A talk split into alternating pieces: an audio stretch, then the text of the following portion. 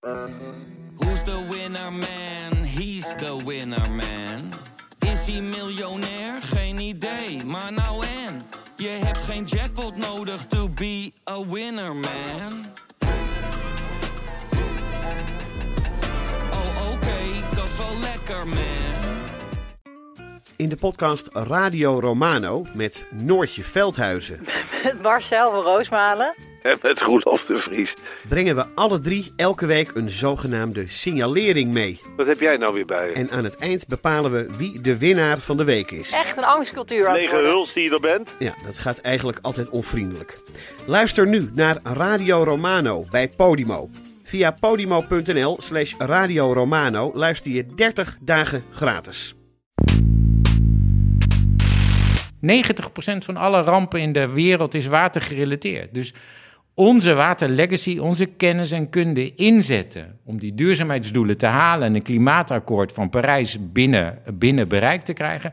Water echt inzetten als onze, eh, ja, eh, ons offer to the world, no one can refuse. Ik hoop echt dat een nieuw kabinet dat eh, omarmt.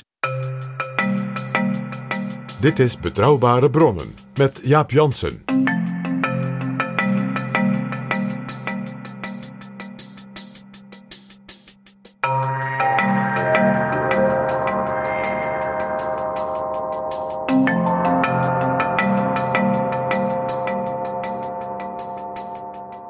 Hallo, welkom in Betrouwbare Bronnen, aflevering 154.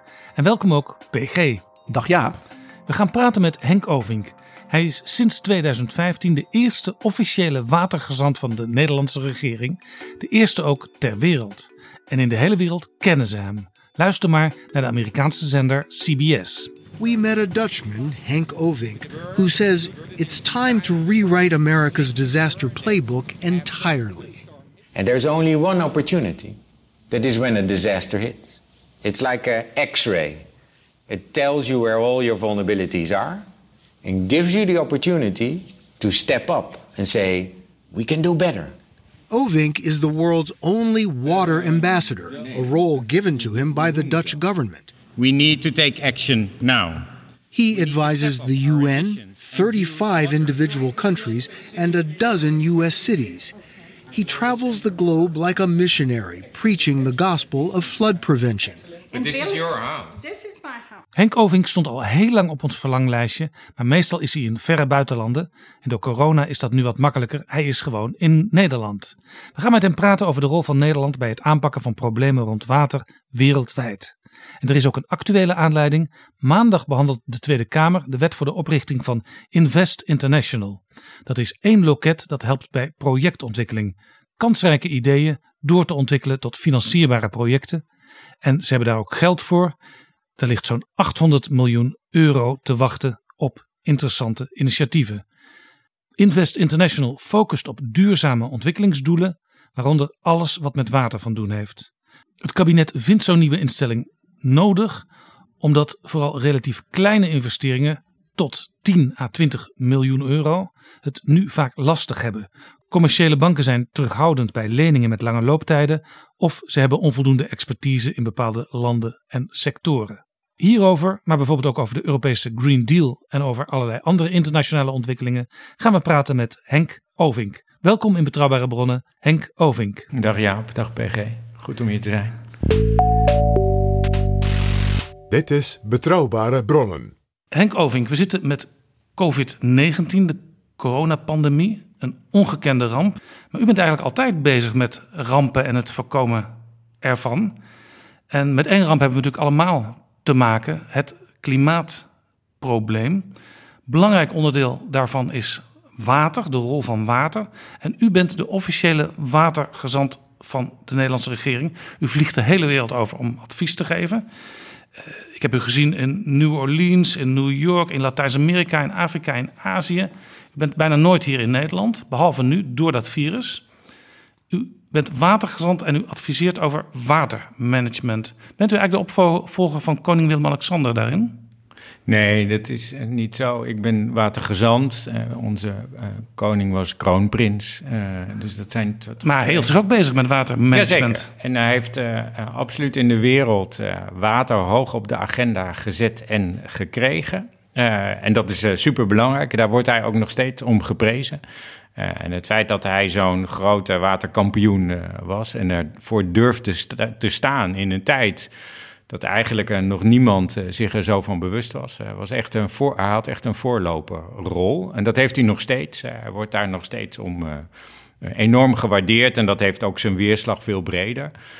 Uh, zijn rol werd natuurlijk versterkt door een sterke watersector van overheden, uh, bedrijfsleven, kennisinstellingen, maar ook NGO's in Nederland. Water is echt een speerpunt voor Nederland. Ja, water is cultuur. Hè, dus dat is meer dan een speerpunt.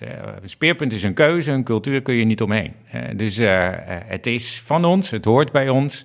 het enige wat kan gebeuren is dat je het niet benut of verwaarloost, of dat je het uitnut en uh, vergroot en versterkt. En dat laatste is natuurlijk de, uh, het, het, doel. En dit is ook de reden, denk ik, uh, waarom de Nederlandse regering het zo belangrijk vond in 2015 om u die rol te geven. Ja, en je ziet het met deze pandemie weer. Hè. We zeggen heel snel thuis: was je handen ietsje vaker, liefst.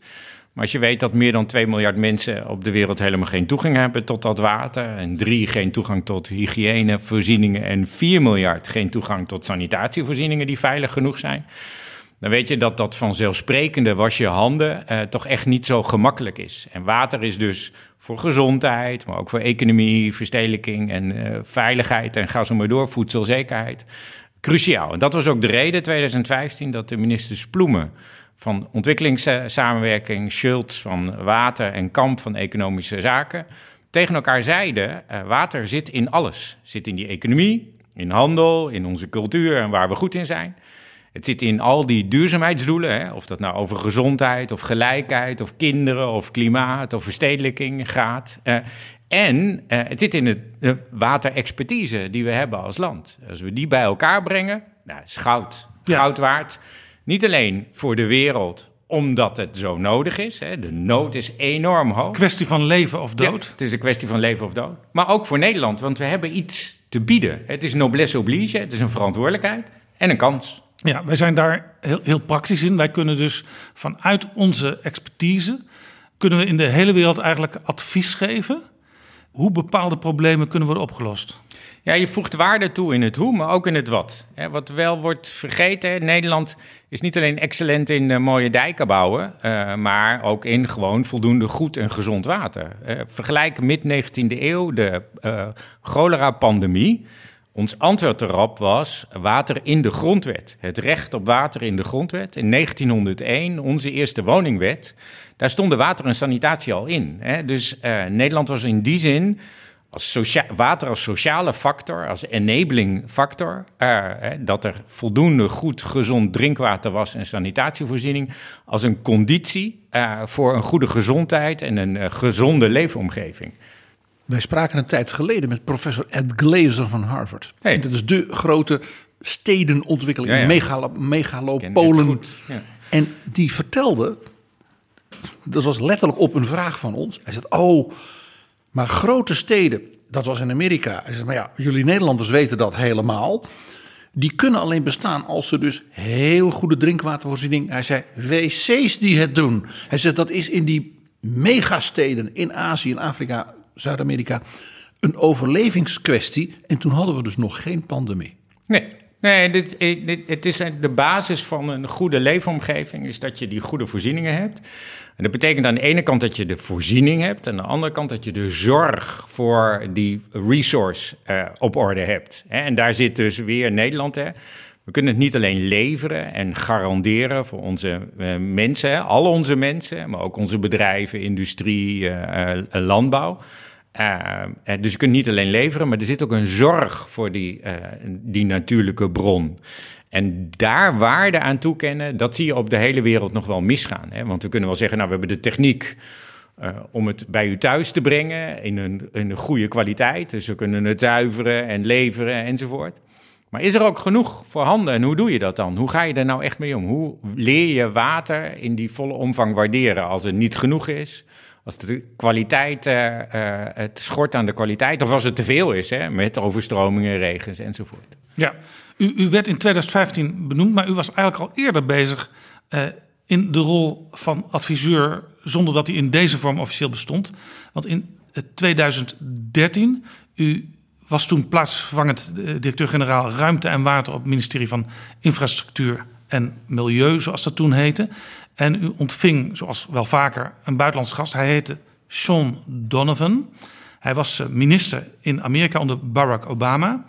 En hij was net geconfronteerd met de orkaan Sandy, die de hele regio New York en New Jersey onder water zette. En hij kwam in Nederland kijken, want zijn opdracht was de boel daar herbouwen. En hij wilde van u weten wat de Nederlandse ervaring was met de strijd tegen het water en wat hij daarvan kon leren. Ja, eh, ik was waarnemend DG eh, op dat moment eh, bij het ministerie voor water en ruimtelijke ordening. En die twee hadden we niet voor niets bij elkaar gezet. Omdat het organiseren van je land in een conditie van enorme opgaven als klimaat en duurzaamheid, ruimte, wat een integrerende discipline is, en water, wat uitgaat van verbinding en samenwerking bij elkaar te brengen. Dat is ook de reden waarom Sean kwam. wij werkten al wat langer samen, vanaf het begin van de Obama-administration. toen ik directeur ruimtelijke ontwikkeling werd in 2007 bij het ministerie van toen nog From. Uh, was er al een, hebben we een samenwerking opgebouwd tussen de Verenigde Staten en, en Nederland op het gebied van de planning. En dus het ontwikkelen van je stad en je land en je landschap. in combinatie met goed watermanagement. Als je dat bij elkaar brengt, ja, dan kun je werken aan disaster prevention. Hè? Dus aan het, je voorbereiden op de ellende. Dus Sean kwam niet alleen kijken naar watermanagement. Maar ook naar hoe we dat nou uh, georganiseerd hebben, de governance, hoe we dat combineren met de juiste planning uh, in onze economie, in ons landschap en in onze steden. U sleept hem ook het hele land door, hè? U ging ja, naar de Delta werken, u ging naar allerlei andere plekken in Nederland. Ja, we, hij kwam met de trein, hij was op vakantie in Berlijn met zijn familie. hij kwam met de trein met zijn vrouw en zijn twee zonen. ik pikte hem op op het station in Rotterdam en zijn meteen naar het stadhuis gereden. Dagje Holland. Drie dagen Nederland. Drie dagen Holland. Hij sliep op een woonboot in Amsterdam. Tot grote vermaak, zou je bijna kunnen zeggen, van zijn uh, security detail. Die dat niet zo heel prettig vonden. Maar ja. Hij, maar zijn zonen natuurlijk wel. Ja, zeker. Ja, ja. En het was een zachte winter. Want ik weet nog dat we naar de zandmotor gingen uh, voor de Delftlandse kust. Uh, en zijn zonen de schoenen uittrokken en het water inrenden. Dus uh, nou, dat uh, ja. 2, 3 januari 2013. Even heel kort uitleggen, de zandmotor... Toch, toch niet met zo'n Unox-petje op, hè? Nee, nee, zonder petjes. Okay. Ja, de zandmotor, gewoon. wat is dat? Onze Nederlandse kust wordt continu bedreigd. niet door, alleen door grote stormen en zeespiegelstijging... maar gewoon door de zeestroming. de stroming in de zee. En die kalft elke keer een beetje uh, zandweg, zou je kunnen zeggen, strandweg en duinenweg. Uh, om dat uh, op peil te houden hebben we wetgeving aangenomen... Dat, waarvan we zeggen, nou, de kust mag zich niet verder terugtrekken dan hier. En dat is netjes vastgelegd. En dat betekent dat we die kust continu moeten aansterken. Dat kun je doen door zand op te spuiten... Uh, maar uh, ingenieurs, baggeraars, overheden, waterschappen, uh, kennissector kwamen bij elkaar en zeiden dat moet ook anders kunnen. Bouwen met de natuur noemen we dat populair, want die stroming in die zee is toch zo sterk. We doen een eiland in, voor de kust. En dat eiland artificieel spuiten we op. en dan kan die, die, die golfstroom, die kan dat, dat zand netjes, eigenlijk seconde voor seconde, minuut voor minuut, dag voor dag langs die kust verspreiden en dan wordt die natuurlijk sterk. Dus in feite help je op die manier de natuur een handje? Ja, de natuur helpt ons een handje. Dus je helpt eerst de natuur een handje en dan helpt de natuur jou een handje uh, om je verzekering te doen. Dat is een succes. Wordt ja. natuurlijk geëvalueerd en gemonitord. We hebben net in het Verenigd Koninkrijk uh, uh, ook een zandmotor helpen maken. Uh, dus het is mooi om te zien. Ga, gaat niet overal op, hè, zo'n, maar bouwen met de natuur. niet alleen je inspiratie vinden in natuurlijke processen, zoals die systemen werken, maar het, het ook echt versterken en ze voor je laten werken is natuurlijk een van de belangrijkste dingen om ons duurzaam te ontwikkelen. Ja, en dit is ook een mooi voorbeeld van hoe je uh, dingen kunt uh, veranderen en, en versterken. Um, Sean Donovan die had als opdracht rebuild everything. Hij moest gewoon de boel weer uh, opnieuw ja, herbouwen. Maar dat is volgens u niet altijd het beste hè, om de dingen weer precies zo te maken zoals ze waren. Je moet wel een beetje leren natuurlijk, hè, want anders bereid je je voor op de ramp van gisteren in plaats van die van morgen. Maar Obama en Donovan hadden dat goed door. Toen uh, president Obama in, in office uh, was vanaf januari 2009 uh, zei hij tegen zijn team, hij heeft een heleboel dingen gezegd, maar een van de dingen die hij zei was: No Katrina on my watch. Dat staat zelfs in zijn memoires, ja, zag ik. Ja. Had natuurlijk ook aan Katrina gehad in New Orleans. 2005. En die liet eigenlijk een dysfunctionele federale overheid zien. Naast een heleboel andere dingen, als een dysfunctioneel watersysteem en een dysfunctionele. Ik herinner me nog de beelden van die inwoners die allemaal over die brug wegvluchten. Ja. En uh, eigenlijk jaren daarna waren er nog steeds grote problemen. Ja, ik herinner me vooral de beelden van het stadion waar uh, de mensen in werden opgesloten en bewaakt. Uh, dus het, was echt een tra tragedie.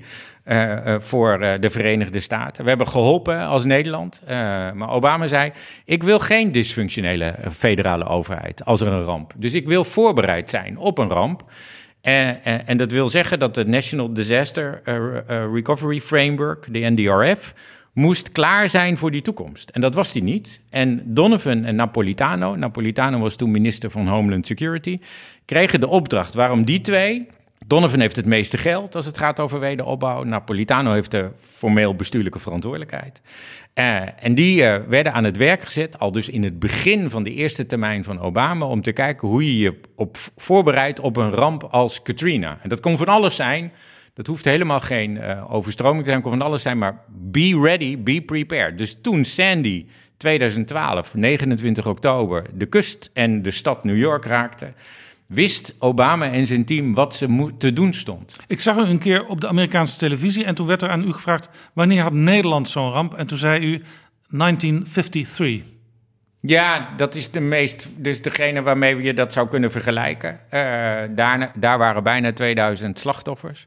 Uh, maar het was wel 1953. Uh, we waren ons veel minder bewust van de kwetsbaarheid ook daar was achterstallig onderhoud, hè, net zoals in de VS, maar de, het bewustzijn van het achterstallig onderhoud uh, was lager. Je kunt natuurlijk uh, uh, het boekje van Rutger Bregman lezen over dat we beter hadden moeten luisteren naar onze ingenieurs. en tegelijkertijd was het echt wel een andere tijd. Ik denk dat je inspiratie kan putten uit de manier hoe Nederland na die storm in 1953 een enorme stap vooruit heeft gezet in een heel incrementele manier, dus stapje voor stapje. Dus die eerste dam uh, in Zeeland is een andere dan de tweede, dan de derde, dan de vierde. Dus dat progressie in het denken, in het handelen, in het samenwerken met een bevolking in Zeeland, met NGO's, met de natuurbeweging, met de politiek. Ja. Uh, en is in Nederland ook nog wel altijd veel discussie over geweest. Het kabinet en Uil heeft daar een nachtenlange vergaderingen aangeweid van wat moeten we precies doen daar in Zeeland. Ja. Nou ja, wat je, de uitkomst daarvan uh, spreekt nog steeds tot de verbeelding en is ook nog steeds uh, uh, voor de grootste onderdelen goed en is adaptief.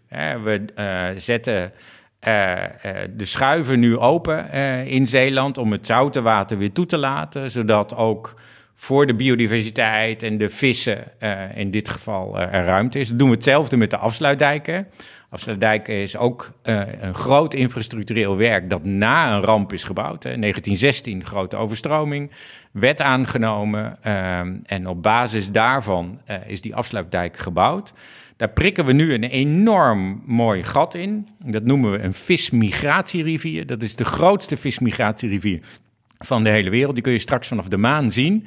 En dat betekent dat er weer zoet en zout water heen en weer kunnen, zonder dat het onze veiligheid raakt. Dus waar Hansje Brinker, volgens de Amerikaanse schrijfster, uh, vinger in de dijk stopt, halen we die vinger van Hansje Brinker er nu even uit. Zodat de biodiversiteit en de vissen uh, weer heen en weer kunnen zwemmen en hun eitjes kunnen leggen aan beide zijden van die dijk. En dus de Nederlanders hebben een vorm van migratie ontdekt die ze zelf hebben bedacht en waar ze voor zijn. Ja, zeker. ja. Vissen mogen heen en weer. Ja, vrijelijk. Hè? Maar wel onder strikte condities van die rivier. Het is een meanderende rivier, maar wij leggen duidelijk de grenzen aan. Dus, dus in die zin zou je kunnen zeggen, is het vergelijkbaar. Geen bootjes van Frontex die daar uh, vanuit nee, Europa nee, nee, dat gaan bewaken? staat uh, patrouilleert natuurlijk, ja. ja. En, en, die projecten, de Delta-werken en ook wat daar bij de afsluitdijk uh, gebeurd is... die zijn nog steeds een voorbeeld voor de rest van de wereld. Ja, ze zijn nog steeds een voorbeeld niet in hun statische uh, waarde, maar juist in hun uh, adaptieve uh, waarde. Kijk nu naar de afsluitdijk. die zijn we opnieuw aan het upgraden. Dat betekent dat die wordt versterkt in het licht van toekomstige opgaven. Zeespiegelstijging, stormen, waterkwaliteit, maar ook gebruik, toerisme, recreatie, biodiversiteit, natuur, milieu. dus Nederland uh, is voorloper als het gaat over hoe we als Nederland omgaan met onze kwetsbaarheid in het licht van die toekomst. En uh, naar jouw punt terug, uh, na een ramp terugbouwen wat er was, betekent eigenlijk na een ramp eerst naar die toekomst kijken je afvragen wat je nodig hebt in die toekomstige onzekerheden. Natuurlijk te leren van wat er mis is gegaan met die ramp. Want het is een röntgenfoto. Het legt namelijk al je kwetsbaarheden en afhankelijkheden bloot. En dan op basis van die match, verleden, heden en toekomst. Uh, uh, uh, de projecten bedenken die nodig zijn om je voor die, voor, voor die toekomst voor te bereiden. En wat je na, in New York zag, is dat ze de oude tekeningen uit de jaren negentig tevoorschijn haalden. En zeiden, nou, we bouwen het dammetje weer terug. En dan ja, dat is eigenlijk weggegooid geld, want bij de volgende storm gaat dat dammetje er dan net zo hard weer vandoor. Ik heb eh, een paar jaar geleden gepraat met een hele groep Nederlandse studenten van de TU Delft, die na Katrina, dus echt als studentengroep, daar werden losgelaten op die stad, om als het precies dat niet te doen, maar te zeggen van oké, eh, dit waren de oude plannen, nou die zijn allemaal weg dus hè, met, die, met die enorme storm. Uh, wat zou je dan wel kunnen doen. Waarbij je dus de, het gevoel van zekerheid dat de mensen hadden kunt herstellen. Maar op een slimmere manier daarmee omgaan. En die vertelde dus dat zij met allerlei buurtcomité's. En, wat dan die, en dat die mensen allemaal zeiden. Zo hebben wij nog nooit naar die levies, zoals het daar heet, gekeken. Dat was voor hen dus een andere manier van kijken en die studenten die konden dat lekker fris en onbekommerd. die kwamen er niet als enorme experts of met heel veel gezag. of de, Army Corps of Engineers en dat soort dingen in Amerika. Maar gewoon Nederlandse studenten die zeiden: waarom doe je niet zo? Waarom kijk je niet zo? En dat, die manier van kijken was voor die Nederlandse studenten weer de grote les voor hun latere functioneren. Het gaat er dus om dat je met mensen leert kijken naar wat gaat hier de komende 20, 30, 40, 50 jaar gebeuren. Ja, maar het is ook een lastige discussie, want het is uiteindelijk ook abstract. Uh, want de toekomst is de toekomst en niet vandaag. Uh, en dus een heel een, een boel van mijn werk in Amerika voor de, de, Presidential uh, Task Force voor de Rebuilding Post-Hurricane Sandy. ja, want u, was, was wat, want John Donovan, u, u oh, was dus met hem drie dagen aan het praten. Ja. Hij sliep op die woonboot en, en de rest van de dag trok u het land door. En eh, u zegt het, het, is abstract, maar u kon daar concreet laten zien wat er al gedaan was in Nederland en hoe er gedacht werd over toekomstige uitdagingen. En hij zei meteen tegen u van ja, eigenlijk uh, moet je met me meegaan, want ik heb jou in Amerika nodig.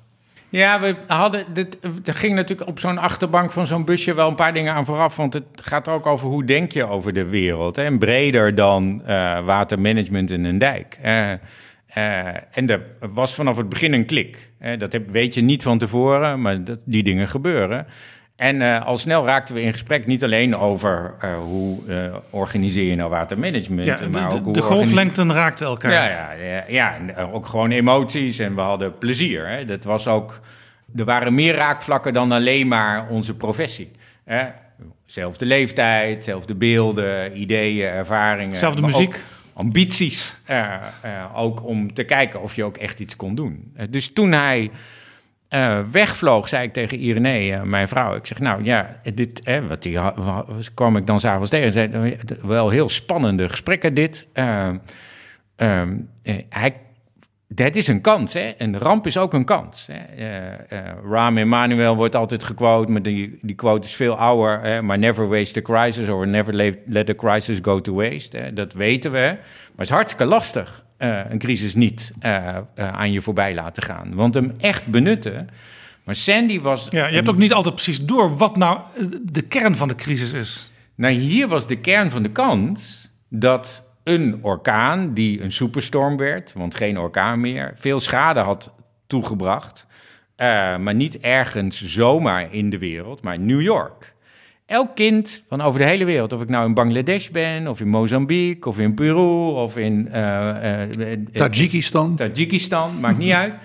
kent New York. Ja, vandaar ook dat idee rebuild this, want iedereen kent het en het moet weer zo worden zoals het was. Dat was het als kans. Dus zij, ik zei tegen Donovan, uh, ik zei, als jij dat ook ziet als een game changer moment, hè, maar dan moeten we het wel dus echt anders gaan aanpakken, dan wil ik met je werken. En uh, ik had hem een mailtje gestuurd en zei: I hope I'm not, too, not being too forward. En hij schreef mij binnen uh, binnen een minuut na landing uh, terug.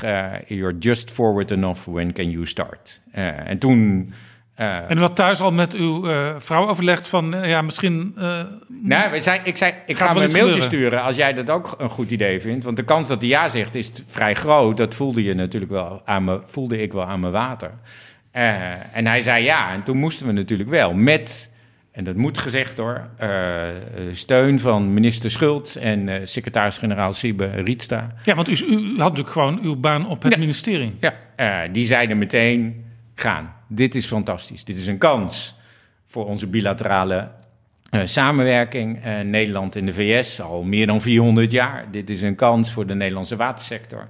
Dit is een kans voor de brand Nederland. Dit is een kans voor jezelf. Ja, ja, ja dus, dus, dus, dus, er zit altijd iets uh, nobels in, namelijk kennisoverdracht, maar ook gewoon keiharde economische belangen, zou je kunnen zeggen. Dat is een Nederlandse jongen die waarnemend directeur-generaal ruimte en water is, de Obama-regering mag helpen. Dan, als je dat niet weet uit te nutten, dan doen we iets niet goed. Dus dat hebben we ook gedaan. Ja. Het is natuurlijk ook gewoon voor de positie van Nederland, zeg maar, als partner op echt grote thema's wereldwijd. Natuurlijk interessant, want ja, eh, je, je kunt een soort voortrekkersrol ja. pakken op inhoud. Ja, je kunt, in, in, het is ook onomstreden, wat heerlijk is. Hè? Je hoeft er niet heel ingewikkeld over te doen.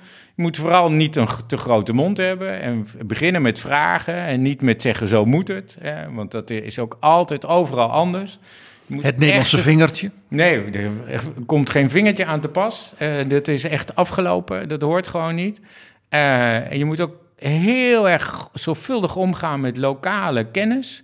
Want we zeggen wel heel makkelijk. Uh, want dat, dat, daar hadden we het net bijna over. die, naar aanleiding wat PG zei over die studenten. Het is echt cultuur. dus op het moment dat je uh, dat er een cultuur is die accepteert dat er dingen mis kunnen gaan. En op basis daarvan zegt: ik wil voorbereid zijn op het mis kunnen gaan, maar niet zozeer bezig met die toekomst. Moet je niet dat veroordelen en zeggen dat is onzin. Dat is juist een hele krachtige cultuur, want die is heel adaptief. Ja, dus je moet veel meer gebruik maken van de cultuur die er is. Ja, wij zijn in wij Nederland natuurlijk veel woester als er dingen misgaan, omdat we denken dat we voorbereid zijn. Ja, de Amerikanen weten zeker dat er dingen misgaan. Uh, hè, die accepteren het feit dat het mis kan gaan, omdat je daar waarschijnlijk niks aan kan doen maar zullen niet accepteren dat je daar niet op voorbereid bent. Dus dat is een heel andere manier van je voorbereiden, niet in infrastructuur, maar in sociale cohesie, samenhang, support enzovoort. En ik denk dat dat is iets dat is supersterk. Uh, dat zien we ook in Bangladesh. Uh, Bangladesh heeft een ander de, andere delta dan die van Nederland. Als de Bangladeshi in Nederland langs de Rijn staan, vragen zich echt af waar de rivier is. kijken naar de Noordzee en dat komt dan ongeveer in de buurt. Bij hun begrip, water is daar toch echt veel, veel groter en groter. Uh, ook veel kwetsbaarder, uh, met veel vervuiling en veel overstromingen. Uh, en, en, dus ook het, oppermachtig vaak? Ja, maar meebewegen met dat water zit in die cultuur. En dat begrip dat je dus niet alles kan voorkomen, maar je er wel op kan anticiperen, zit. nou ja, 15 jaar geleden grote cycloon, tyfoon daar, honderdduizenden doden, dus echt heel heftig. Uh, en wat in no time met hulp van de internationale gemeenschap is opgebouwd, is een uh, early warning system. Wat cultureel is ingebed. Dus door samen te werken met die bevolking worden ze nu niet alleen gewaarschuwd wanneer ze weg moeten. Maar die bevolking zei: Ja, ik ga pas weg als ik zeker weet dat ik ook het eerste signaal krijg dat ik weer terug mag. Want voor je het weet ben ik mijn spullen kwijt van mensen die eerder teruggaan dus en een systeem van weg kunnen, van waarschuwen, van shelters, van uh, routes, evacuatieroutes. En het systeem van informatie, educatie, bewustzijn. Ja, en dus heel erg mensen mede verantwoordelijk maken. Ja, ja maar dat wilden ze zelf. Hè? Dus, eh, dus niet van bovenaf of van buitenaf opgelegd, uh, maar intern. En dat zie je ook in de VS. Ja, ja want nog even naar die Verenigde Staten. U, u ging daar dus adviseren. En um, ja, u zegt de cultuur is heel belangrijk en de ideeën die uh, uit uh, mensen zelf komen. U, u organiseert daar ook een competitie, hè? Rebuild by Design. Ja. Ja, dit, een van de redenen uh, om. dus de, een van de aanleidingen daarvoor was toch heel simpel. je moet naar die toekomst toe. hoe doe je dat nou? hoe daag je nou een samenleving, de gemeenschappen die kwetsbaar zijn, maar ook de expertise die er in die samenleving zit, uit om alles uit de kast te halen om naar die toekomst te kijken. Nee, dat doe je niet door alleen maar build back, want dat moest natuurlijk ook, hè. Er lag gewoon uh, meer dan 60 miljard schade. Dat is heus niet allemaal leuk, vrolijk, innovatief. Dat ja. is ook gewoon... En ik, en ik denk dat je ook moet voorkomen op zo'n moment dat oude ideeën die nooit zijn doorgegaan, dat die alsnog gekopieerd opnieuw op tafel worden gelegd? Ja, maar ja, je 60 miljard, uh, uh, waarvan ongeveer 45 miljard infrastructuurinvesteringen. Dat is heus niet allemaal vrolijk en innovatief. Dat is ook gewoon keihard werken. Dat moet je vooral doen. We hebben een analyse gemaakt van die 6000 projecten. daarvan hebben we gezegd, nou, het meeste moet je gewoon doen. Maar er zijn er een paar honderd die inderdaad de kans bieden om te innoveren. En toen hebben we gezegd, we maken een analyse van de regio. Uh, van alle kwetsbaarheden, afhankelijkheden en de kansen. Maar daar hebben we wel de wereld voor nodig. En op basis van die analyse gaan we projecten identificeren die katalyserend zijn voor die verandering. En daar hebben we ook de hele wereld voor nodig. Dus zeiden we een wedstrijd. Want Amerika kent een traditie van challenges. Uh, er is zelfs een wetgeving voor. America Competes. America Competes komt uit de Bush administration. Uh, dus uh, Bush 2 was dat. Obama heeft dat overgenomen en omgezet. en in zijn denken heeft een Office for Science and Technology Policy opgericht in het Witte Huis. Die werd verantwoordelijk voor de uitvoering van die wet. En een enorm programma van challenges. Publiek-private samenwerking, Matsukato-achtig, uh, zou je kunnen zeggen. Triple helix, hè? Beetje ja, bijna Hollands bijna. Ja, Hollands. Dus het is echt frontrunner zijn, voor investeren. Nou, Invest International zou je bijna kunnen zeggen. Uh, voor, met z'n allen vooruit, maar wel proberen te identificeren wat die opgaven zijn. En hier in die New Yorkse context zei ik, dat gaat net niet werken. En het was even schrikken, want iedereen dacht, nou, we weten wel wat het probleem is. We vragen gewoon net in die context van uh, uh, die challenges om oplossingen. En ik zei, deze wedstrijd gaan we anders organiseren. Die doen we niet op zijn Amerikaans, maar op zijn Hollands-Amerikaans. We beginnen niet bij dat we net doen alsof we weten wat het probleem is en de markt vragen om oplossingen. We gaan met de markt, met de communities, met de overheid kijken wat het probleem is. Want jullie hebben eigenlijk niet door, ik weet nog niet en jullie weten nog niet, wat de systemisch fout is in de context van klimaatverandering. En we zien die kans ook niet. Dus de wedstrijd begon twee fasen eerder. Die begon bij het verzamelen van eh, kennis en expertise uit de gemeenschappen en internationaal. En een proces van samenwerken om er echt achter te komen, echt een grondige analyse om erachter te komen wat er mis was, waar die afhankelijkheden van kwetsbaarheden zaten en op basis daarvan waar de kansen zaten. Dus echt elkaar beïnvloeden en elkaar uh, op idee brengen. Ja, maar ook echt gewoon analyse. Wat is er nou mis? Uh, het is, wat heel, komt op ons het is heel polderig, om, om eens een waterterm te gebruiken. Ja, Namelijk je de verschillende partijen ja. laat analyseren... wat is nou het echte probleem... en hoe kunnen we samen dan stappen vooruit zetten. Ja, ja maar dat, dat doorvragen op het probleem... dat ging wel echt nou, op zijn Amerikaans. Hè? Dus heel uh, open, transparant, met de beste expertise. En daar is zo'n wedstrijd dan weer fijn voor. Want je kunt gewoon zeggen, ik wil de beste.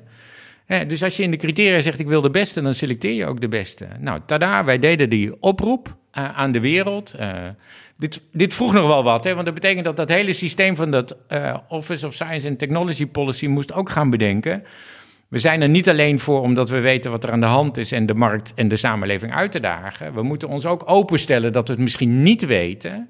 En kan America Compete daar uh, een wet voor zijn? En daarvan hebben we gezegd, ja dat kan, maar we gaan wel evalueren wat voor type aanpassingen dat vraagt. Dus Rebuild by Design werd niet alleen een voorbeeld voor Rebuild Better. Het werd ook een voorbeeld voor die challenges. We wonnen ook de prijs uh, tijdens de Obama-administration voor Rebuild by Design, omdat we de meest innovatieve challenge waren van de hele Obama-administration. En zoals u destijds uh, Sean Donovan in uh, Nederland rondleidde, zo kan Sean Donovan nu, bij wijze van spreken, mensen uit de hele wereld daar in New York en rond New Jersey rondleiden en laten zien wat daar inmiddels allemaal tot stand gekomen is. Ja, was het nou maar zo, hè? Want dat betekent dat uh, infrastructuurinvesteringen in Amerika echt sneller gaan dan in Nederland, maar dat is niet zo. Ruimte voor de rivier begon in 1979 uh, en vorig jaar hebben we het laatste project afgerond. Dus hè, ik zeg ook altijd dat we uh, wij zeggen altijd, uh, wat gaat het langzaam in de wereld? Nou, in Nederland gaat het ook langzaam. Infrastructuurinvesteringen goed doen kost tijd. Van ja, dus in Amerika tot ontwerp. moet ook nog heel veel gebeuren. Ja, moet ook nog heel veel gebeuren. Even tussendoor, ruimte voor de rivier. Dat is in Nederland dat uh, de rivieren ruim, letterlijk ruimte krijgen... om op bepaalde momenten ook ja, uit te... Ik weet niet hoe, precies hoe term is, maar... Uh, buiten hun oevers te buiten treden. Hun, ja, dat is heel goed, PG, buiten hun oevers te treden. Ja. En dat je daar dus ook rekening mee houdt met bijvoorbeeld de huizen waar, waar je ze plaatst. Ruimte voor... De, en, uh, en in de tussentijd kunnen, kan het ook weer gebruikt worden voor dieren die daar uh, ja. rondlopen. Terug even naar Rebuild en die cultuur. Hè? Dus dat, dat, die, die, die die wedstrijd veranderde uh, de challenge, maar we, uh, het uitnodigen van die wereld leidde tot uh, die call. We hadden 148 aanbiedingen van over de hele wereld die mee wilden doen. We konden er maar 10 selecteren. Hoeveel uit Nederland? van de 10 die we selecteerden, van de 148 zaten er, waren allemaal teams, want het moesten interdisciplinaire teams zijn. Er waren honderden partijen uit Nederland mee. Maar van de 10 die we selecteerden, waren zes teams met in totaal 21 of 23 Nederlandse partijen. Het kan dus, hè? Uh, en het interessante hiervan is dat ik heb altijd gezegd... dat, dat, was, niet, dat was niet omdat u daar zat, dat het zoveel Nederlanders uh, waren? Ik heb niet gekozen. Hè? Dus, uh, en de, maar dat heeft ermee te maken dat je de vraag beïnvloedt. Niet zozeer het antwoord. Als je de vraag ingewikkeld genoeg maakt... komen die Nederlandse partijen vanzelf bovendrijven.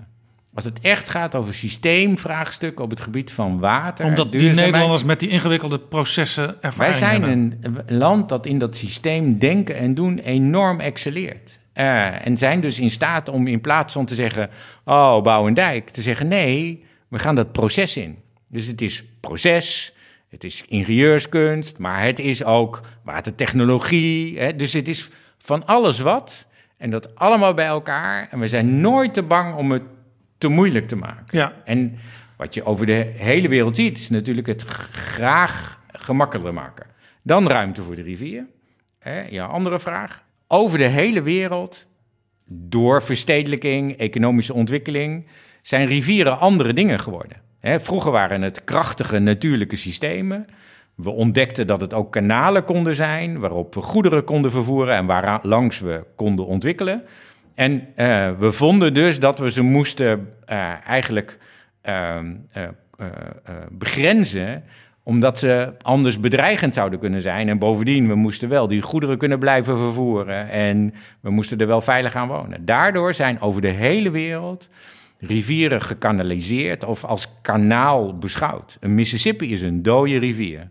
Die werkt niet meer. Die is door alle ingrepen door de tijd heen uh, verschrikkelijk kapot gemaakt. Dat betekent dat een rivier is ook een, een transportband van spulletjes. En dat wil zeggen sediment, zand, grind, maar ook van vissen en uh, plantjes enzovoort. En, en, daar, maakt die rivier, en van vuil. En, daar, en daar is heel lang niet bij stilgestaan. En dit maakt die rivier sterk. En die sedimentafvoer die zorgt ervoor dat die delta, daar waar de rivier uitmondt in de zee of een oceaan, ook weer aanhield. Bij die Mississippi trekt, trekt die kust terug.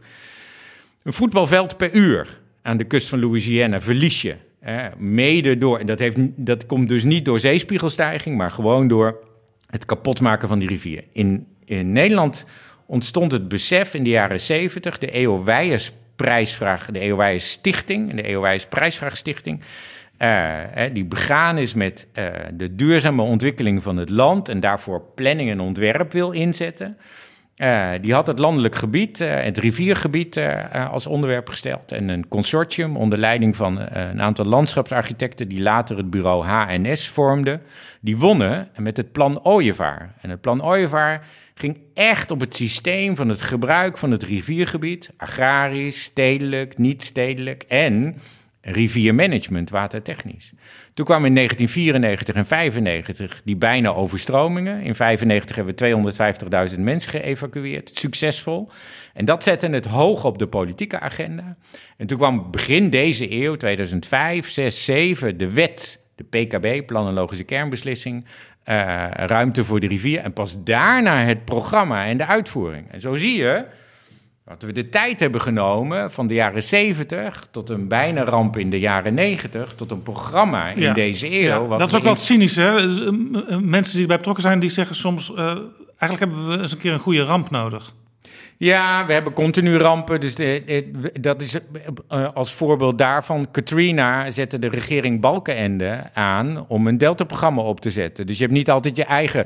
Elke aanleiding is genoeg om uh, slim te zijn. Hè? Dus uh, je hoeft natuurlijk. Ik, ik, bedoel, het zou natuurlijk belachelijk zijn. Ja. Alleen soms om, om, om een grote massa mee te krijgen in je denken, heb je soms voorbeelden nodig. Ja, voorbeeld gedrag. Uh, toen ik uh, in uh, Amerika werkte, werd ik uitgenodigd in Californië, waar helemaal geen overstroming plaatsvond, door de stad San Francisco en een groot consortium. En die waren aan het nadenken over klimaatkwetsbaarheid van de, de San Francisco Bay. Dus dat zijn San Francisco en alle plaatsen daaromheen. Ja, de Bay Area. ja, de Bay Area. En daar zijn ze natuurlijk vooral bang voor aardbevingen en zeespiegelstijgingen en stormen staan daar niet zo op de agenda. Uh, en we hadden, uh, ik mocht een lezing geven en daarna hadden we een besloten diner met allemaal vooraanstaande types. Uh, en de directeur van Spur, de soort van planning- en ontwikkelingsdenktank van de Bay Area, die vroeg aan mij: Ja, Henk, in New York je had, het je had het lekker makkelijk met die ramp. En toen zei ik: ik zei, Het zou toch te gek voor woorden zijn dat de staat die zich het meest progressief acht, een ramp nodig heeft om slim te zijn. Dat is toch gewoon onzin? Eh, waarom moeten we eerst dingen mis laten gaan voordat we ons voorbereiden op een toekomst die we al lang kennen? we zijn slim genoeg, dus het vraagt gewoon uh, bewustzijn, uh, een type leiderschap uh, en een enorm gevoel van samenwerken. die op basis van kennis en inzicht en expertise en goede voorbeelden de goede dingen kan doen. Bovendien, als er zo'n enorme aardbeving zou komen, dat zag je bijvoorbeeld in 1906 bij de aardbeving van San Francisco.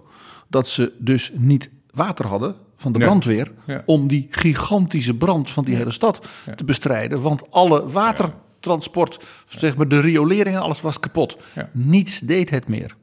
En dat leidde dus tot, de ramp was dus nog veel erger door die eindeloze branden. Uh, dus ook water is een kwestie van aardbevingen gevaar. Ja, en ik, ik wil toch uh, een ramp is echt verschrikkelijk hoor. Mensen gaan gewoon echt dood.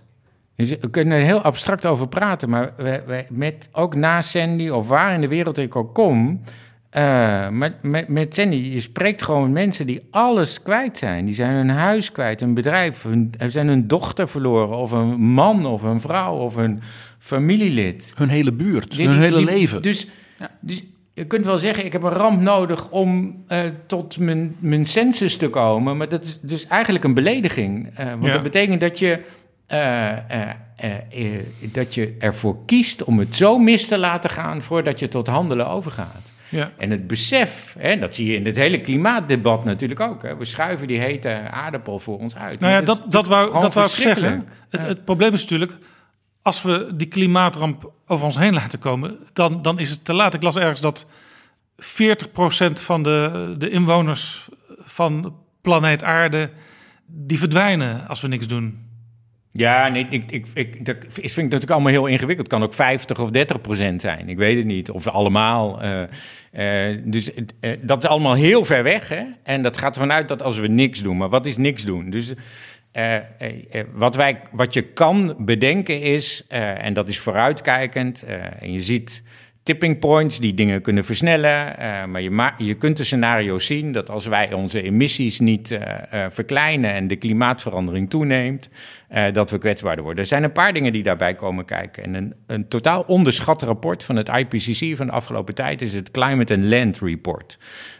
Vind ik heel interessant, omdat het de vinger op de zere plek legt. Op twee manieren laat ze namelijk iets zien. Eén, wat we doen, hè, elke dollar, euro, yen of wat dan ook, die we investeren in de ontwikkeling van uh, uh, onze aarde, zorgt ervoor dat we meer emissies hebben. Dus er is meer klimaatverandering. Dus de ene analyse is, daar moet je wat aan veranderen.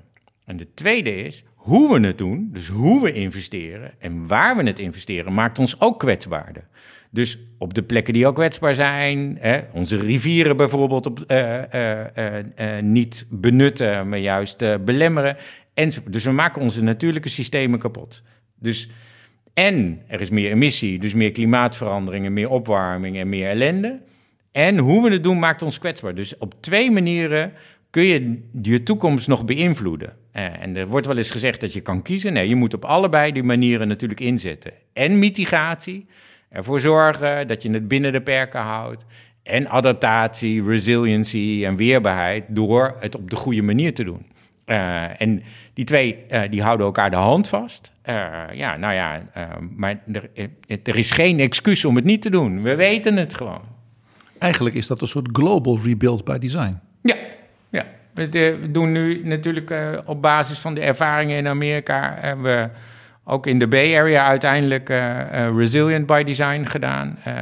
Ik heb net een programma de afgelopen paar jaar opgezet en gerund. Dat heet Water as Leverage, water als hefboom, als enabler voor duurzame ontwikkeling. Zijn begonnen in drie steden, in Chennai in India, Kulna in Bangladesh en Semarang in Indonesië. We schalen het nu op in Vietnam, India en Latijns-Amerika, om echt te kijken hoe je een challenge, dus innovatie en de kracht van mensen en hun kennis en expertise in kan zetten om van begrip en bewustzijn en dus eigenaarschap institutionele en informele transformaties mogelijk te maken, die ervoor zorgen dat je ook projecten realiseert die de start kunnen zijn van een, een verandering die nodig is. Dit is Betrouwbare Bronnen, een podcast met betrouwbare bronnen.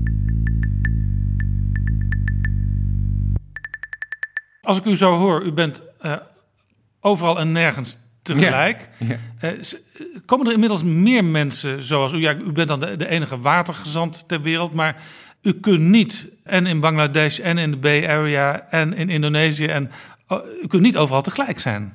Nou, met corona tegenwoordig wel. Ik begin s ochtends in Azië en ik eindig in Latijns-Amerika. En tussendoor ben ik in het Midden-Oosten en Afrika. En de volgende dag weer. En hier. En hier.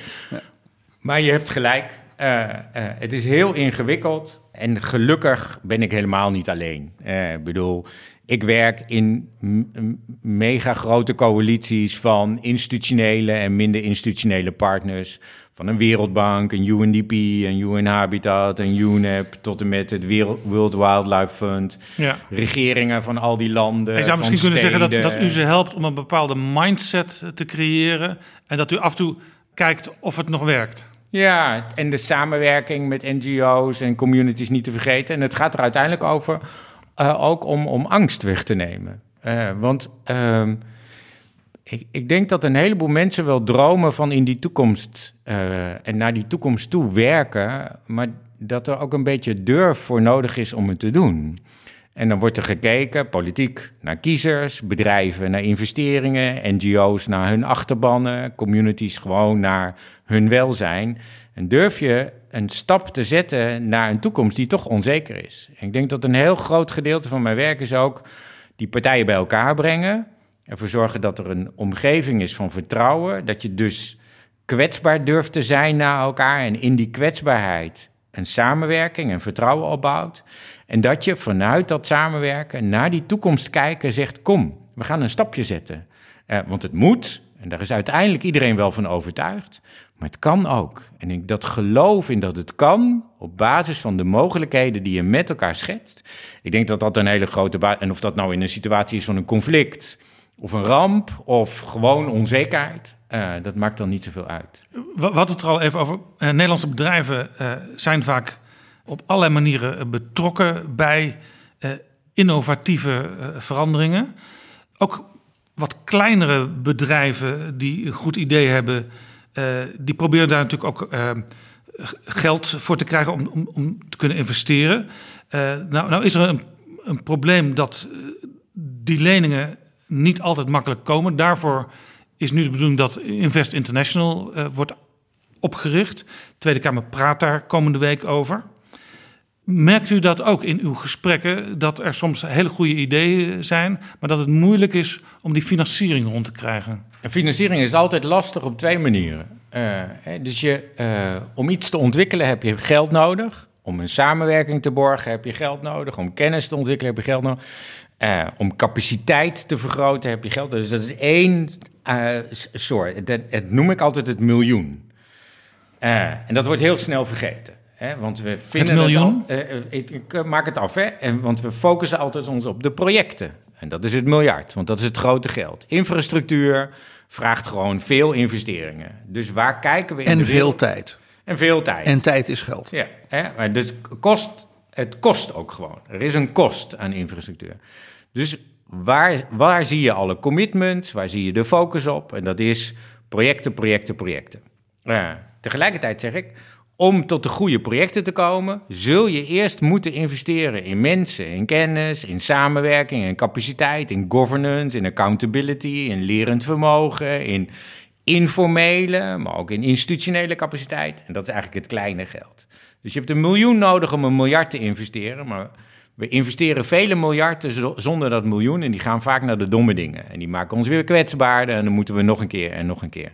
Dus het is die twee.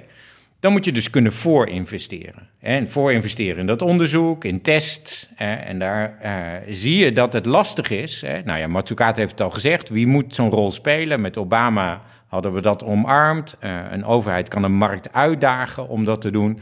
Maar er moet er wel een financiële sector zijn die dat backt. Uh, duurzame ontwikkeling is langzaam geld. Dus je zou kunnen zeggen, je investeert in iets, maar de return on investment of de waardevermeerdering, zou ik eigenlijk willen zeggen, die duurt langer. En die vind je niet altijd terug in de sector waar je investeert. Ja, want heel veel investeerders tegenwoordig... die willen eigenlijk binnen een jaar of drie wel weer return on investment ja, zien. Nou, neem water. Als ik in water investeer, gaan mijn gezondheidskosten omlaag. Probeer dat aan een investeerder of een overheid of een bedrijf uit te leggen. Dat gaat niet, want dat betekent dat die waterministers begroting en die gezondheidsminister begroting, die praten natuurlijk niet met elkaar. Misschien kunnen die twee het wel heus met elkaar vinden, maar op financieel niveau is dat heel lastig. En bovendien is de return, die waardevermeerdering, de, het omlaag gaan van die gezondheidszorg kosten en uh, de kansen voor zo'n gemeenschap vergroten en ongelijkheid verkleinen en voedselzekerheid vergroten enzovoort. Uh, dat, dat effect daarvan zie je pas op de middellange en langere termijn. Dus het is niet zo gek dat de Nederlandse overheid met Invest International nu de helpende hand uh, gaat bieden. Want blijkbaar lost de markt zelf dit niet op. Niet alleen. Hè? Want je ziet over de hele wereld wel dat de markt delen oplost. Uh, maar als je kijkt naar duurzame ontwikkelingsvraagstukken. Uh, dan zijn een boel van de interventies die voor gemeenschappen waarde toevoegen klein en versnipperd. En dan is het heel moeilijk om daar geld voor te verzamelen, want investeerders zijn niet geïnteresseerd in klein en versnipperd. Dus je moet schaal weten te maken. Dus dingen bij elkaar zetten, programmatisch organiseren. Invest International kan ook helpen om schaal te garanderen. Om programma's en projecten bij elkaar te harken. Waardoor overheidsvoorinvesteringen en garantiedekking kan worden gekoppeld, hè, geleveraged met private sector investeringen. En dan kun je risico's spreiden. Kun je zeggen, nou, ik pak iets uh, op de lange termijn uh, en dan pak jij iets op de korte termijn. Ja, maar het gaat ik, altijd over poelen van geld. Als ik met mijn bedrijf, Geen overheid kan het alleen. Ja, hè? Als ik met mijn bedrijf een idee heb en ik heb 10 miljoen investering nodig, of, zelfs 20 miljoen, dan zijn banken vaak niet geïnteresseerd, want dat is te klein voor ze. En misschien hebben ze ook niet meer uh, de, de, kennis en ervaring, omdat banken natuurlijk ook uh, ja, hun, hun, taak hebben veranderd. Bijvoorbeeld ABN AMRO zat vroeger in de hele wereld voor bedrijven. Die heeft zich nu echt teruggetrokken op, op Europa en vooral op Nederland. Uh, Ook, ook, dat is een reden om zo'n nieuw systeem, zo'n Invest International. Ja, maar je moet oppassen dat, dan de, dat we een soort flappetap eh, zijn. Hè? Want dat is het natuurlijk niet. Het gaat over impact. Hè? Het gaat uiteindelijk over het realiseren van duurzaamheidsdoelen. Hè? Uh, we staan het, voor een enorme Het is dat opgave. miljoen om dat miljard te realiseren. Ja, het is een miljoen om een miljard te realiseren. Maar het is ook een miljoen om ervoor te... Hè? Dus, hè? om te poolen, hè, te leveragen, wat er elders te halen Misschien een beetje vergelijkbaar met het, het Wopke Wiebesfonds, wat ook bedoeld is om een soort vliegwiel-effect te, ja, te genereren. Een vliegwiel-effect. Maar het gaat wel om doelen te halen. Hè, de wereld en Nederland in die wereld staan voor enorme opgaven. We doen het niet alleen voor de fun, hè, we doen het echt om iets te realiseren en een toekomstteken te stellen die beter is dan uh, een toekomst die je zonder die interventies uh, we zouden krijgen. Dus het, heeft, het is wel op zijn Nederlands gelukkig. Het heeft wel nut, hè? Uh, het, is, het, doet ergens toe. en ik denk dat dat is het mooie. Als je zo kan partneren als overheid met bedrijfsleven en kennissector en financiële sector. Hè, want het een zonder het andere gaat niet. Hè? Dus het is echt en-en. dan kun je een stevige partner zijn als overheid en zeggen... Wij nemen risico, maar dan nemen jullie ook risico. Hè? Het is co-investeren in het proces en het is co-investeren in de projecten. En zo ga je van miljoenen miljarden maken, die weer andere miljarden aantrekken. Want ook daarvoor geldt, Nederland staat niet alleen, niet alleen in zijn publiek-private samenwerking. Hè? De hele wereld investeert eh, op die duurzaamheidsdoelen en die klimaatacties. En dan is het juist mooi om te zien dat een Nederland met een Duitsland, een Verenigd Koninkrijk, Noorwegen, een Wereldbank, een Asian Development Bank of een Green Climate Fund schaal kan maken. Hè? Dat onze investeringen iets in gang zetten in de richting waar we naartoe willen. En dat je dus inderdaad die leverage, die hefboom krijgt van dat geld en een aantrekkingskracht krijgt op de ideeën en de projecten die grote investeringsvolumes uh, zullen aantrekken. Nou, dat is uiteindelijk de kracht van wat we in huis hebben. Dat we hele sterke sectoren hebben op die duurzaamheidsdoelen. En als we daar die financiële backing tegen aanzetten, hebben we een offer the world can't refuse. Ik hoor op dit punt opvallend weinig vanuit zeg maar, de Green Deal van de EU. Ja, de Blue Green Deal moet het ook nog worden. Hè? Dat is nog wel even een dingetje. Ja. Dus, ja, blue van water. Water, ja, water wordt nog nodig gemist in de Green Deal. Ja, ja dat is, ik vind dat heel opvallend. En ook dus dat element van dat Europa ook zo'n geweldige opschalerrol heeft. Als je kijkt in de geschiedenis van de EU, denk eens even aan de Europese ruimtevaart. Dat was allemaal niksig. En dat is door de ESA uh, gewoon leidend in de wereld geworden. Dus je kunt op heel veel van dat soort dingen, dus zo, zowel in toptechnologie als in kennis, als die toepassingskant van, van die verschillende partijen, juist als Europa veel doen. Ja, maar nu dus zijn we onderscheiden wat doet Europa in Europa en wat doet Europa in de wereld. Maar, maar dus zegt de Europese eigenlijk... investeringsbank is heel actief met ons uh, in de wereld om die duurzaamheidsdoelen te halen. En een fantastische partner, de EBRD overigens ook. Hè. Dus we hebben echt wel een aantal, en zo zijn er nog een paar meer. En die hebben uh, fondsen en, en, mogelijkheden om in ontwikkelingshulp en samenwerking een heleboel voor elkaar te krijgen. De maar Europa zelf? Eh, Europa staat zelf ook nog voor een aantal grote opgaven. En nu in de in de, in de corona-recovery-situatie weet je gewoon dat je elke euro die je investeert, nu in recovery, moet gaan naar duurzame projecten. En dat is niet zo. Dat is overigens in de hele wereld niet zo. Hè?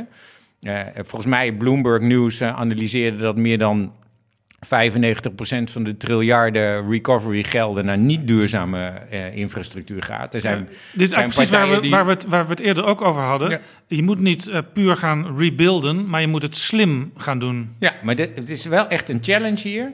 We willen heel snel, hè, want de banen staan op het spel. Dus het moet nu naar de economie. Hè. Jobs, jobs, jobs. Wat doen we dan? We pakken alles wat er op de plank ligt. En we zijn investeerders, publiek en privaat. En wat zeggen ze dan tegen mij? Henk, wat op de plank ligt, zijn de projecten van gisteren en niet die van morgen. Maar we hebben geen keus, want het geld moet nu de deur We hebben geen tijd te verliezen. En dat betekent, en dan kom ik weer bij dat Climate Change and Land Report van het IPCC. Dan gaat het naar de domme dingen. En dan zijn we morgen kwetsbaarder en slechter af. Dus Wat die pipeline, die pipeline van duurzame investeringen, die is niet op orde. Nee. Dus we moeten als de donder, en daar is ook Invest International een mooi eh, instrument voor. We moeten als de donder die pipeline versterken. Ja, en toch die, zegt en die moet blue en green zijn. De Europese Commissie zelf zegt, wij hebben juist op een hele slimme manier het klimaatbeleid en het recoverybeleid met elkaar verweven. Ja, beleidsmatig wel, maar dan moet het nog wel vertaald worden naar kansen en projecten en investeringsmogelijkheden. Dus waar is het Europese rebuild by design? Goeie vraag. ik ben er klaar voor. Ja. We gaan er meteen mee van start. Maar dat vraagt dus wel van meneer Timmermans en zijn clubje... dat ze uh, uh, water, klimaat omarmen als kans. Hè. We, en, en, misschien wel zulke challenges via Horizon Europe. Ja, dat zou, eh, dat zou uh, zijn mogelijkheden, maar je ziet het ook nog wel in uh, de verantwoordelijkheden. Hè? Als je kijkt naar kustveiligheid, dan is dat een nationale aangelegenheid. Hè? Maar als de kust van België kwetsbaar is, dan zal Nederland daar last van hebben. Nou is de kustveiligheid van België gedelegeerd aan de Vlaamse overheid. Dus dat is een regionale, niet een federale verantwoordelijkheid. En de Vlamingen hebben het ook altijd over de Vlaamse kust en niet over de Belgische kust. Nee, en dat is ook echt terecht zo. Hè? Dat is netjes geregeld bij wet en beleid. Ehm, en daar is nog wel achterstallig onderhoud. Ruimte voor de rivier hebben we in Nederland op orde, maar niet op Europese schaal. Ik zou enorm voorstander zijn van een European Program Room for the Rivers. Het kan dus ook gebeuren dat wij in Nederland iets, iets moois doen met die rivieren, maar dat dat juist elders voor problemen zorgt. Nee, dat kan weer dan niet, hè, want dat hebben wij wel weer goed voor het snotje, uh, of in het snotje. Uh, dus we wij zijn ons er heel erg van bewust dat alles wat wij hier doen uh, voortkomt uit beslissingen die de Fransen, de Duitsers of de Zwitsers al hebben gedaan. Dus wij zijn heel hard aan het werk met die internationale samenwerking. We hebben een Rijncommissie enzovoort enzovoort. Hè, die, uh, die zalm uh, die uh, weer door onze deltawerken kan zwemmen... komt door een verdrag dat we met de Duitsers hebben. Dus de ja. waterkwaliteit ik hoor, en waterveiligheid... Ik eigenlijk zeggen, en dat vind ik eigenlijk toch wel schokkend... er zit nog een gat in het denken uh, in Europa als het gaat over klimaat in combinatie met water. Ja. ja. Dus, toen dus, wij dus Timmermans en Samsom, die moeten hier echt werk van maken. Meteen na dit gesprek u bellen ja, kan. en u komt meteen naar Brussel. Ja, ja, ja. ja absoluut. Ja. Want uh, toen wij Nederland voorzitter was van de uh, EU in 2016, uh, dat halve jaar, mocht ik een DG-overleg voor de veiligheid, dus die security uh, in een, uh, op het gebied van klimaat en water vertellen wat de veiligheidsimplicaties waren. En de, nou, de, het was een interessant gesprek. Het was voor velen voor de eerste keer dat ze door hadden dat waterkwetsbaarheid ook echt een matter is of national security. terwijl de G7 op dat moment net een rapport had gepresenteerd, het jaar daarvoor dat climate change is a matter of national and international security. Dus en water werd in dat rapport, dat was onder leiding van de Duitsers, eh, als de kernopgave voor die security eh, issue in de context van klimaatverandering. Even heel concreet, als Frans Timmermans u vraagt binnenkort, Henk, wat zijn de drie belangrijkste dingen waar we, wij, waarmee wij nu aan de slag moeten? Wat zegt u dan? In de context van de Green Deal en klimaataanpak, neem ik aan. Nou, één, echt gezondheid. Want gezondheid en klimaat, en we zien het met een pandemie, maar gezondheid en klimaat hebben direct met elkaar te maken. Opwarming van onze steden, een verschil tussen binnensteden en de randen van meer dan 8 graden leidt tot gezondheidsproblemen. Waterkwaliteit uh, en gezondheid hebben direct met elkaar te maken en watervoorziening. Dus ik zou zeggen, je zou kunnen zeggen onder die kop, wat ook een maatschappelijke drijver is, zou je waterkwaliteit kunnen scharen en alles wat er voor nodig is om dat op orde te hebben. Daar zou ik dan ook aan linken de zorg voor onze natuurlijke bronnen en dus de link met biodiversiteit. Dan kom je eigenlijk op het tweede punt.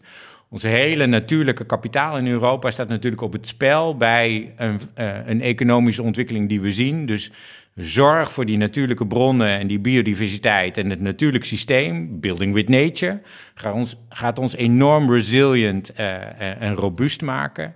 En dan als laatste veiligheid. En die veiligheid zit in overstromingen en droogte uh, van onze rivieren, onze steden en onze kusten. En daar zou je een, een Delta-programma-achtige aanpak voor kunnen kiezen, die je dan weer ontleedt. En dat je zegt, ik ga iets doen op het niveau van de rivieren. Hè? Uh, je moet oppassen dat je Europa op de plek van die nationale overheid staat, want dat werkt niet. Maar dat, je kunt het wel omdraaien. En ja, ook hier is het polderen met elkaar. Ja, hè, je kunt het stimuleren en helpen organiseren. En, en er ook geld in stoppen voor het proces. Dus als Europa gaat helpen om dat proces in gang te zetten, kunnen die nationale overheden er met elkaar echt wel uitkomen. U zei zo even uh, uh, verdroging. Hele delen van Europa hebben een gigantisch ook veiligheidsrisico, gezondheid, maar ook economisch en anderszins door woestijnvorming. Ja. En daar hoor je natuurlijk in Nederland niemand over. Ja, de laatste jaren natuurlijk wel. We hebben drie van de droogste jaren achter de rug.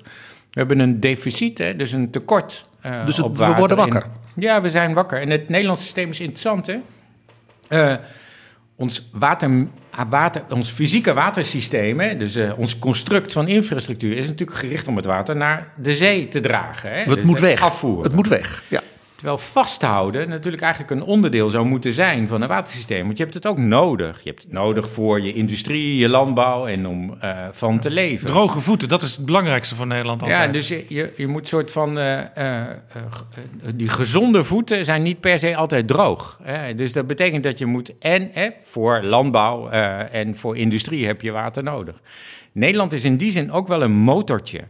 Er komt voldoende water binnen van boven en uit de rivieren dat als je het goed vasthoudt in je, in je landschap, in je natuurlijk systeem, in je aquifers, dus in je grondlagen, in, je, in, je, in, je, um, in je moerassen, in je meren en je rivieren, dan kun je het ook gebruiken op het moment dat je het nodig hebt. Dus die buffer weer aanzetten, zou je kunnen zeggen. Dat, kan, dat natuurlijk systeem activeren. Uh, dat is echt mogelijk. En dan is Nederland, hè, want daar zijn we al goed in, en dat doen we over de hele wereld. En we hebben de data en de kennis in huis om te analyseren hoe het zit.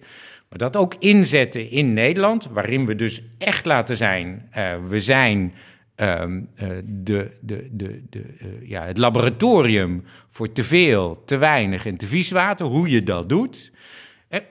KWR in uh, Utrecht was toch de eerste. KWR? In de, uh, dus, onderzoeks, Watertechnologie Onderzoeksinstituut. was toch weer de eerste die liet zien dat we corona konden ontdekken in ons afvalwater. onze watertechnologiebedrijven en kennisinstellingen. We hebben een watercampus in Leeuwarden. en de Wetses als onderzoeksinstelling. Wageningen Universiteit, maar natuurlijk ook TU Delft en, en Utrecht werken allemaal samen op die technologie. Waterkwaliteit, het zuiveren van water, het inzetten van het slip voor energiewinning. Kortom, die circulaire economie die wordt door waterkracht gedreven. Ja, ja Wopke, Wopke en Wiebes, luisteren jullie? Ja, heel interessant. We zitten natuurlijk in Nederland allemaal te wachten op dat iedereen op corona getest kan worden. Maar in feite kunnen we nu al een uh, landkaart van Nederland maken op basis van wat er in het water wordt aangetroffen. Ja, de, de, dus uh, de, dat doen we al. Hè. Dat uh, is interessant om te zien en dat gebruiken we ook wereldwijd al. maar uiteindelijk loop je daarmee natuurlijk nog achter de feiten aan. Hè. dus die, de, dat testen gaat dan natuurlijk net ietsje sneller dan dat je het in je in je water vindt. Want je, je, het moet er eerst in uh, voordat je het kan vinden. Ja, je wilt natuurlijk voorkomen. Ja. Wij willen natuurlijk liefst altijd voorkomen dat het erin komt. Ja, voorkomen is beter dan genezen. We hadden het net over Europa. Daar moet nog veel gebeuren. Ook dingen die, die nog, nu nog niet in de plannen staan. Straks hebben we in Nederland natuurlijk uh, verkiezingen en dan een kabinetsformatie. Er zijn allerlei plannen. Is er iets waarvan u zegt.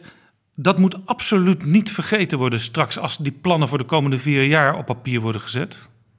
Nou, ja, wensenlijstjes zijn er natuurlijk altijd. Ik denk uh, nationaal en internationaal. Uh, mag ik misschien twee dingen zeggen in plaats van één? ik denk nationaal inderdaad die integrale aanpak van die, van die waterzekerheid. dus die gaat over te veel, te weinig en te vies. Ik denk dat dat juist heel mooi is om er als Nederland volop in te zetten. En te laten zien dat een Delta-programma er niet alleen is voor het beschermen tegen het water, maar ook voor de zekerheid voor voldoende zoetwater en het omzetten van dit systeem, van het vasthouden en het inzetten van ons natuurlijk kapitaal. En dat is ook een exportproduct, om het even heel Hollands te zeggen. En daarmee laat je ook nog eens een keertje zien dat wat we al goed kunnen, dat we dat ook echt tot, uh, nou ja, tot over de grens inderdaad uitnutten en helemaal in excelleren. En daar zouden we dus niet alleen moeten investeren in die infrastructuur, maar ook in het proces en de innovaties en de kennisontwikkeling om dat inderdaad uit te nutten. En de tweede is natuurlijk dat ik echt hoop dat een, kabinet, een nieuw kabinet die internationale wateragenda adopteert en zegt: water is cruciaal voor elk van de duurzaamheidsdoelen. Of dat nou gaat over vrouwen die uren per dag moeten lopen om water te halen. Kinderen die niet naar school kunnen omdat er geen sanitatievoorzieningen. Een pandemie die keihard raakt omdat er geen uh, water is. Voedselzekerheid die uh, over de grens wordt gedrukt omdat waterzekerheid er niet is. Migratie uh, die wordt vergroot. Klimaatimpact die sterker wordt. 90% van alle rampen in de wereld is watergerelateerd. Dus onze waterlegacy, onze kennis en kunde inzetten om die duurzaamheidsdoelen te halen en een klimaatakkoord van Parijs binnen, binnen bereik te krijgen.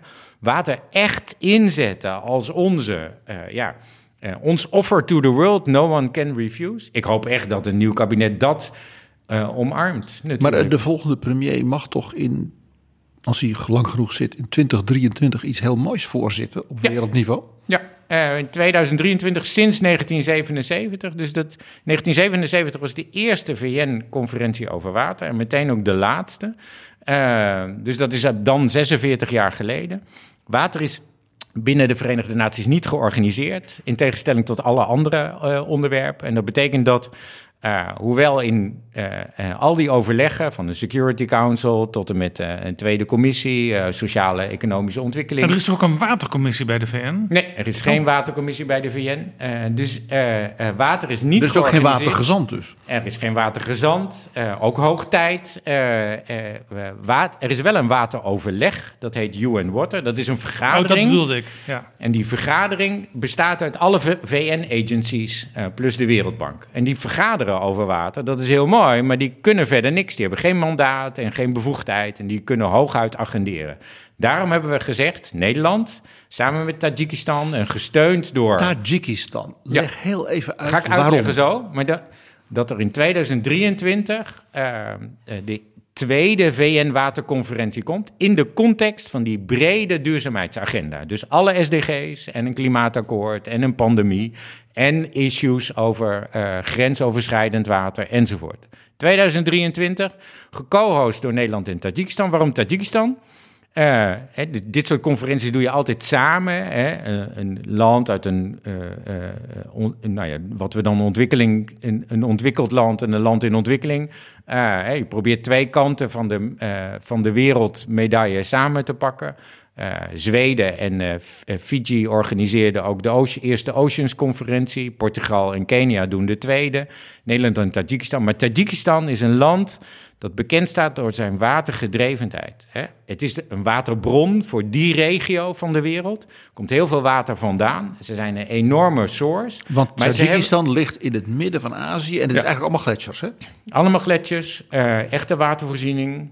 Uh, nou ja, de Aral Sea is alleen heel echt super kwetsbaar. Hè? Dus uh, ga maar kijken in hun afhankelijkheid daarvan. Daar hebben ze een heel programma, spelen ze een vooraanstaande rol in. Ja, maar dus, water dus staat twee landen bij uitstek die ja. heel erg met water bezig zijn. En water staat daar hoog op de agenda. De president uh, heeft het als een van zijn prioriteiten altijd. En Tajikistan is ook de vader, de, de founding father van de Decade on Water. Ze zitten nu in de tweede decade on water, die International Decade on, uh, on Water. en dat betekent dat zij zijn echt een drijvende kracht, letterlijk en figuurlijk, voor die wateragenda. en daarmee een fantastische partner voor ons als Nederland. Ja, dat is in 2023, die tweede VN-water. En dan kan dus inderdaad onze premier, de, dus van het volgende kabinet, uh, niet alleen laten zien dat het ons serieus is, maar ook onze voortrekkersrol in Europa uh, en onze positie in de wereld uh, enorm versterken, mits water dan ook een prioritair onderwerp is, zowel nationaal als internationaal, voor een volgend kabinet. Bent u daar zelf dan ook nog bij betrokken als watergezant? Want u bent in 2015 benoemd voor drie jaar. U bent al een keer voor drie jaar herbenoemd. Nou, als ik goed reken, dan zitten we in maart aan het eind van die tweede termijn. Dat klopt. Ja, er is net een evaluatie afgerond uh, en die uh, wordt uh, binnenkort door de vier betrokken ministeries. Dat zijn buitenlandse zaken natuurlijk, infrastructuur en water, economische zaken en klimaat en LNV, landbouw, natuur en voedselzekerheid. Ja, voedselveiligheid. voedselveiligheid besproken. En die vier departementen die gaan dan beslissen hoe het verder moet. En ik denk dat nou, een hint hoe een nieuw kabinet hierover zal gaan denken en politieke sturing op zo'n dossier dan natuurlijk enorm zal helpen bij de besluitvorming over hoe je daar verder mee gaat. Ja, en u bent beschikbaar, zegt u. Nee, dat is niet aan mij. Ja. Obama, die noemde u ooit Henk de Water Guy. Mhm. Hoe kijkt u naar de regeringsvorming nu in Amerika via Trump? Daar zal u waarschijnlijk niet erg blij mee zijn geweest qua beleid. Nu krijgen we Joe Biden. Kent u hem persoonlijk? Nee, ik ken hem niet persoonlijk. Uh, John Kerry die is klimaatgezant in de nieuwe regering. Kent u hem? Ja, maar nee, um, Kerry en water zijn ook, moeten ook nog vrienden worden, zal ik maar oh. zeggen. Ja, dus uh, klimaat is bij Kerry in heel goede handen. en was natuurlijk Parijsakkoord uh, heeft u allemaal kunnen zien uh, in, de, in allerlei documentaires en films enzovoort. Ja, en dat is ook een van de eerste dingen die Joe Biden heeft beloofd te gaan doen. Het akkoord van Parijs ondertekenen en nu echt het commitment geven. Ja, maar de, ehm, dus Kerry en klimaat een golden deal, maar de wateragenda moeten we nog levend maken. Dan ga, dan ga ik even een tip geven als historicus. Kerry was senator voor de staat Massachusetts. Ja. Dat is Boston, dat is al die eilanden daarvoor. Die worden allemaal straks weggespoeld met die dure huizen van onder andere ook de familie Kerry. Uh, dus ik denk dat je via Boston en laat ik zeggen, de, en we zijn heel actief en, de, de, de kust daar, ja. uh, de oud-senator uh, misschien wel kunt bewerken. Nou, ik denk dat uh, meneer Kerry zich absoluut bewust is van de klimaatkwetsbaarheid van Massachusetts en Boston zelf. Sandy had ietsje noordelijker kunnen afslaan. die scenario's hebben we getekend. Op basis daarvan hebben we ook een competitie in Boston georganiseerd. Er zijn een aantal Nederlandse bedrijven eh, enorm actief eh, voor de resiliency agenda van Boston. Waaronder natuurlijk uh, Arcades, One Architecture enzovoort. Die ook betrokken waren bij Rebuild by Design. Dus, nou, het bruggetje is er. ja, en ik was met onze huidige premier mee op missie, handelsmissie naar Mark Boston. niet dit jaar, maar vorig jaar. En ook daar hadden we een mooie vertegenwoordiging van Nederlandse water- en planningsbedrijven, die we met de Boston-partijen uh, uh, in contact hebben gezien en gebracht. kortom, Boston staat echt ook op de, onze agenda. Dus dat is inderdaad een kans. Ja. Ik, ik noemde Biden, ik noemde Kerry, ja. ik noemde ook al Obama. In het begin van dit gesprek hadden we het over Sean Donovan, met wie u in de regio New York en ook bij New Jersey dingen heeft gedaan, belangrijke dingen. Die Sean Donovan, die wil nu, heeft hij aangekondigd, burgemeester van New York worden. Ja, born and raised New Yorker. Ja, dus, uh, en hij wil verantwoordelijkheid nemen. Hij was uh, vice-mayor onder Bloomberg, voordat Obama hem naar uh, Housing and Urban Development lokte. hij heeft acht jaar voor Obama gewerkt, hè, de full term. ik denk dat Obama een president is die heeft laten zien dat het bouwen van een coalitie uh, begint in huis. Hè? Uh, dus, uh, de, um, um, ik zei wel eens tegen John, grappend, volgens mij gaan jullie na de president het Witte Huis uit. Hè? De tweede termijn was John Director of the Office of Management and Budget op het Witte Huis. Um, dus echt de man die de begroting maakt. Ja, maar de man die de begroting maakt, die ook, hè, want dat heeft John heel erg gedaan, die de integratie in die begroting heeft bewerkstelligd. Hè, vanuit zijn denken en zijn uh, idee over hoe je met geld omgaat, is dat je juist naar die verbinding ziet om, uh, zoekt om meerwaarde te creëren.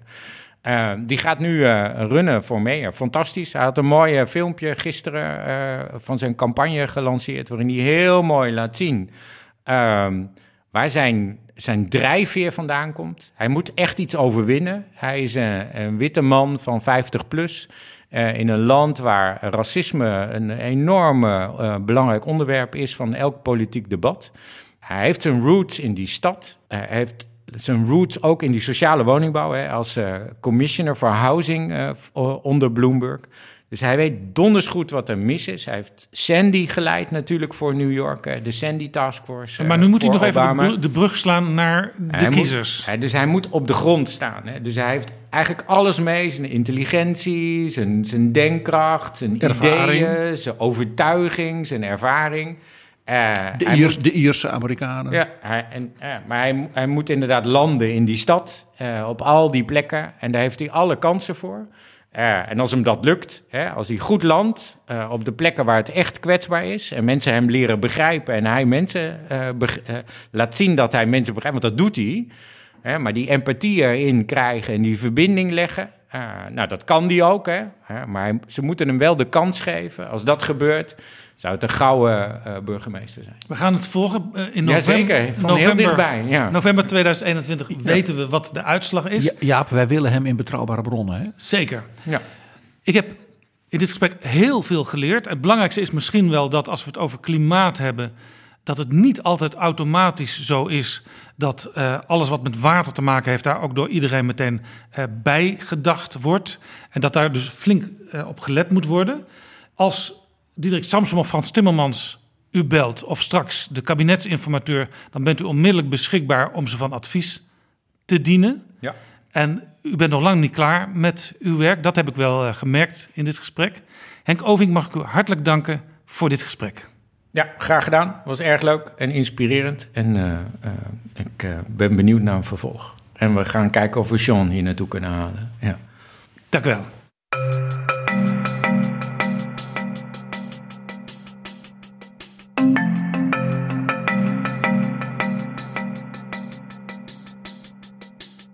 Zo, dit was Betrouwbare Bronnen, aflevering 154.